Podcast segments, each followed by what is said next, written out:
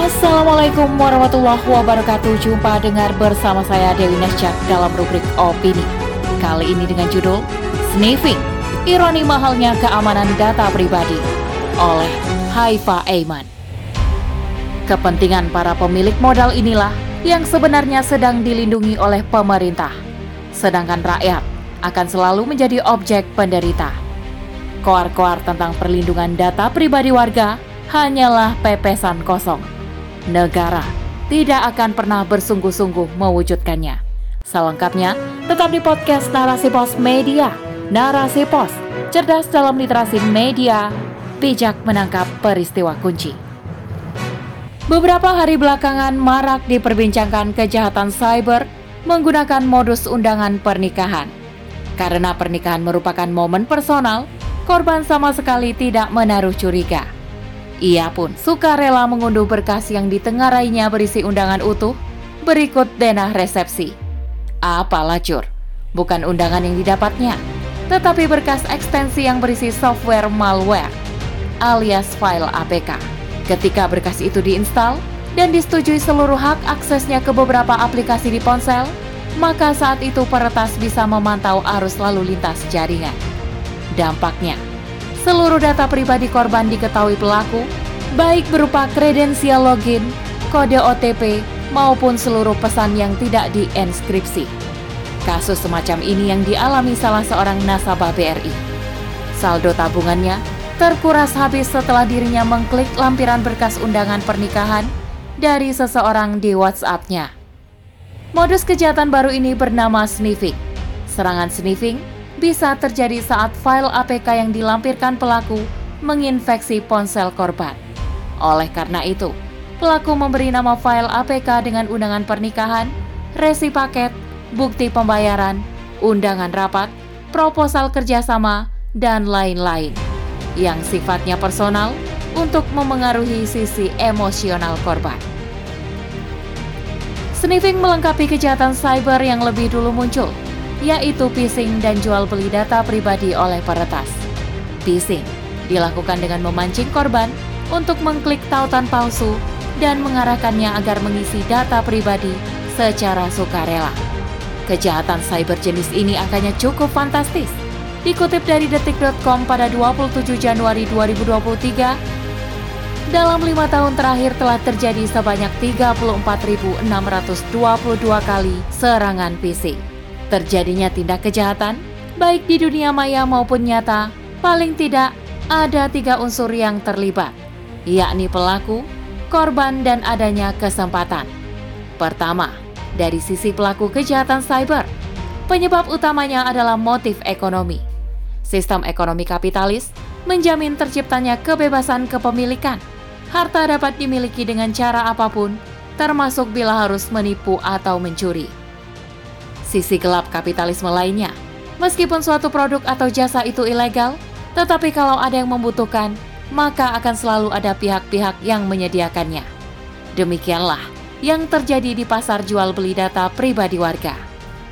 Motif ekonomi pula yang mendorong para peretas untuk terus meningkatkan keahliannya agar selalu selangkah lebih maju dari pemerintah.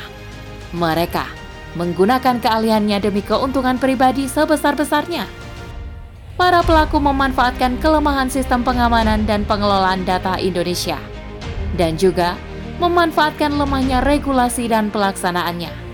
Apalah arti pengesahan Undang-Undang Nomor 27 Tahun 2022 tentang pengamanan data pribadi bila pada prakteknya jauh panggang dari api. Hingga saat ini, kebocoran data pribadi warga terjadi melalui sektor pemerintahan Akumulasi data inilah yang digunakan untuk melakukan aksi kejahatan di sektor perbankan. Jadi, sebagus apa pun pengelolaan sistem keamanan perbankan, bila tidak didukung dengan pola pengamanan dan pengelolaan yang setara atau bahkan lebih baik dari pemerintah, hasilnya akan sia-sia. Kejahatan cyber akan terus terjadi dan korban akan terus berjatuhan. Kedua, dari sisi korban, Dikutip dari harian media Indonesia, hasil riset Hotsuite dan We Are Social tahun 2021 menyebutkan bahwa pengguna internet Indonesia sebanyak 202,6 juta orang. Pengguna yang aktif di media sosial sekitar 170 juta orang, sedangkan yang betul-betul melek literasi digital tidak lebih dari 25 persen atau setara 42,5 juta orang. Artinya, ada 75 persen atau 127,5 juta orang lainnya berpeluang menjadi korban kejahatan digital. Sayangnya, jumlah yang sangat besar ini tidak menjadi fokus pemerintah untuk mengedukasi agar cerdas dalam literasi digital dan perbankan. Sebaliknya, yang dilakukan hanya mengimbau saja tanpa memastikan angka rabun literasi digital berkurang. Ketiga, adanya kesempatan dalam tatanan masyarakat kapitalis yang serba permisif, kesempatan melakukan berbagai aksi kejahatan terbuka luas. Kebebasan berperilaku dijamin sepenuhnya negaralah yang berperan sebagai pihak penjamin kebebasan. Berbagai aturan perundangan sejatinya alat untuk memastikan kebebasan itu bisa berjalan dengan baik. Oleh karena itu, wajar bila tidak ada kasus kejahatan yang tuntas diselesaikan, termasuk pencurian data pribadi warga yang terjadi ribuan kali ini. Aturan tidak jelas, pemberian sanksi yang tidak tegas, tidak memberikan efek jerah, hukum yang bisa dibeli, merupakan ciri hukum positif. Sebenarnya, hal ini pun sangat mudah dipahami. Manusia yang serba terbatas, hakikatnya tidak akan pernah bisa menyelesaikan persoalannya sendiri. Ia butuh solusi dari zat yang menciptakannya. Aturan yang datang dari sang pencipta pasti tuntas menyelesaikannya. Selain itu, dalam sistem kapitalisme, peran negara sebatas regulator. Di belakang kekuasaannya ada para pemilik modal Kepentingan para pemodal inilah yang sebenarnya sedang dilindungi oleh pemerintah, sedangkan rakyat akan selalu menjadi objek penderita. Koar-koar tentang perlindungan data pribadi warga hanyalah pepesan kosong. Negara tidak akan pernah bersungguh-sungguh mewujudkannya. Apabila negara serius melindungi data pribadi warganya, perusahaan-perusahaan yang bergerak di bidang jasa perlindungan data, serta perusahaan yang memproduksi peranti lunak keamanan dan pemantauan jaringan akan kehilangan pangsa pasar. Lebih parahnya lagi, penguasa bisa-bisa kehilangan sokongan pemodal. Hal ini tidak boleh terjadi. Negara sebagai regulator akan memastikan pihak swasta tidak merugi dan dukungan terus mengalir padanya. Jika rakyat ingin data pribadinya aman dan terhindar dari kejahatan cyber, mereka bisa memakai jasa lembaga-lembaga ini. Rakyat bisa membeli peranti lunak buatan mereka Tentu saja harga yang ditawarkan tidaklah murah. Masihkah terus berharap pada kapitalisme? Demikianlah ironi mahalnya keamanan data pribadi di negeri ini. Oleh sebab itu, dibutuhkan solusi paripurna yang bersumber dari Allah yang maha menciptakan dan maha mengatur. Sebuah solusi yang hanya bisa diterapkan oleh khilafah.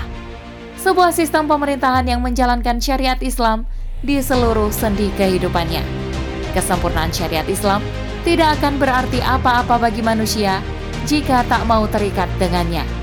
Di dalam Al-Quran Surah An-Nahl ayat ke-89, Allah Subhanahu wa Ta'ala berfirman, "Dan ingatlah pada hari saat kami bangkitkan pada setiap umat seorang saksi atas mereka dari mereka sendiri, dan kami datangkan engkau Muhammad menjadi saksi atas mereka, dan kami turunkan Al-Quran kepadamu." untuk menjelaskan segala sesuatu sebagai petunjuk serta rahmat dan kabar gembira bagi orang yang berserah diri. Akan tetapi, jika ada pelanggaran syariat, sistem peradilan Islam satu-satunya sistem peradilan yang bersifat adil. Sebagaimana pada pelaku pencurian data atau sniffing, pelaku ini tidak memenuhi unsur-unsur pencurian seperti yang dimaksud syariat. Padanya tidak bisa dikenakan sanksi seperti seorang pencuri. Untuk kasus-kasus semacam ini, khalifah akan memberikan takzir. Takzir adalah sanksi yang bentuknya tidak ditetapkan secara spesifik oleh Allah Subhanahu wa taala. Pidananya boleh sama dengan sanksi dalam hudud dan jinayah. Boleh juga sanksinya lebih rendah asalkan tidak lebih tinggi dari hudud dan jinayah. Pemberlakuan pidana Islam akan memberikan efek jerah kepada pelakunya sehingga ia tidak akan berani untuk melakukannya lagi. Khilafah juga akan mengedukasi seluruh rakyat agar cerdas dalam literasi digital. Khalifah melalui Departemen Penerangan akan memastikan seluruh rakyat tidak ada yang luput dari program edukasi ini. Jangan bayangkan, program ini seperti proyek-proyek di era sekarang yang asal jalan sehingga hasilnya tidak optimal.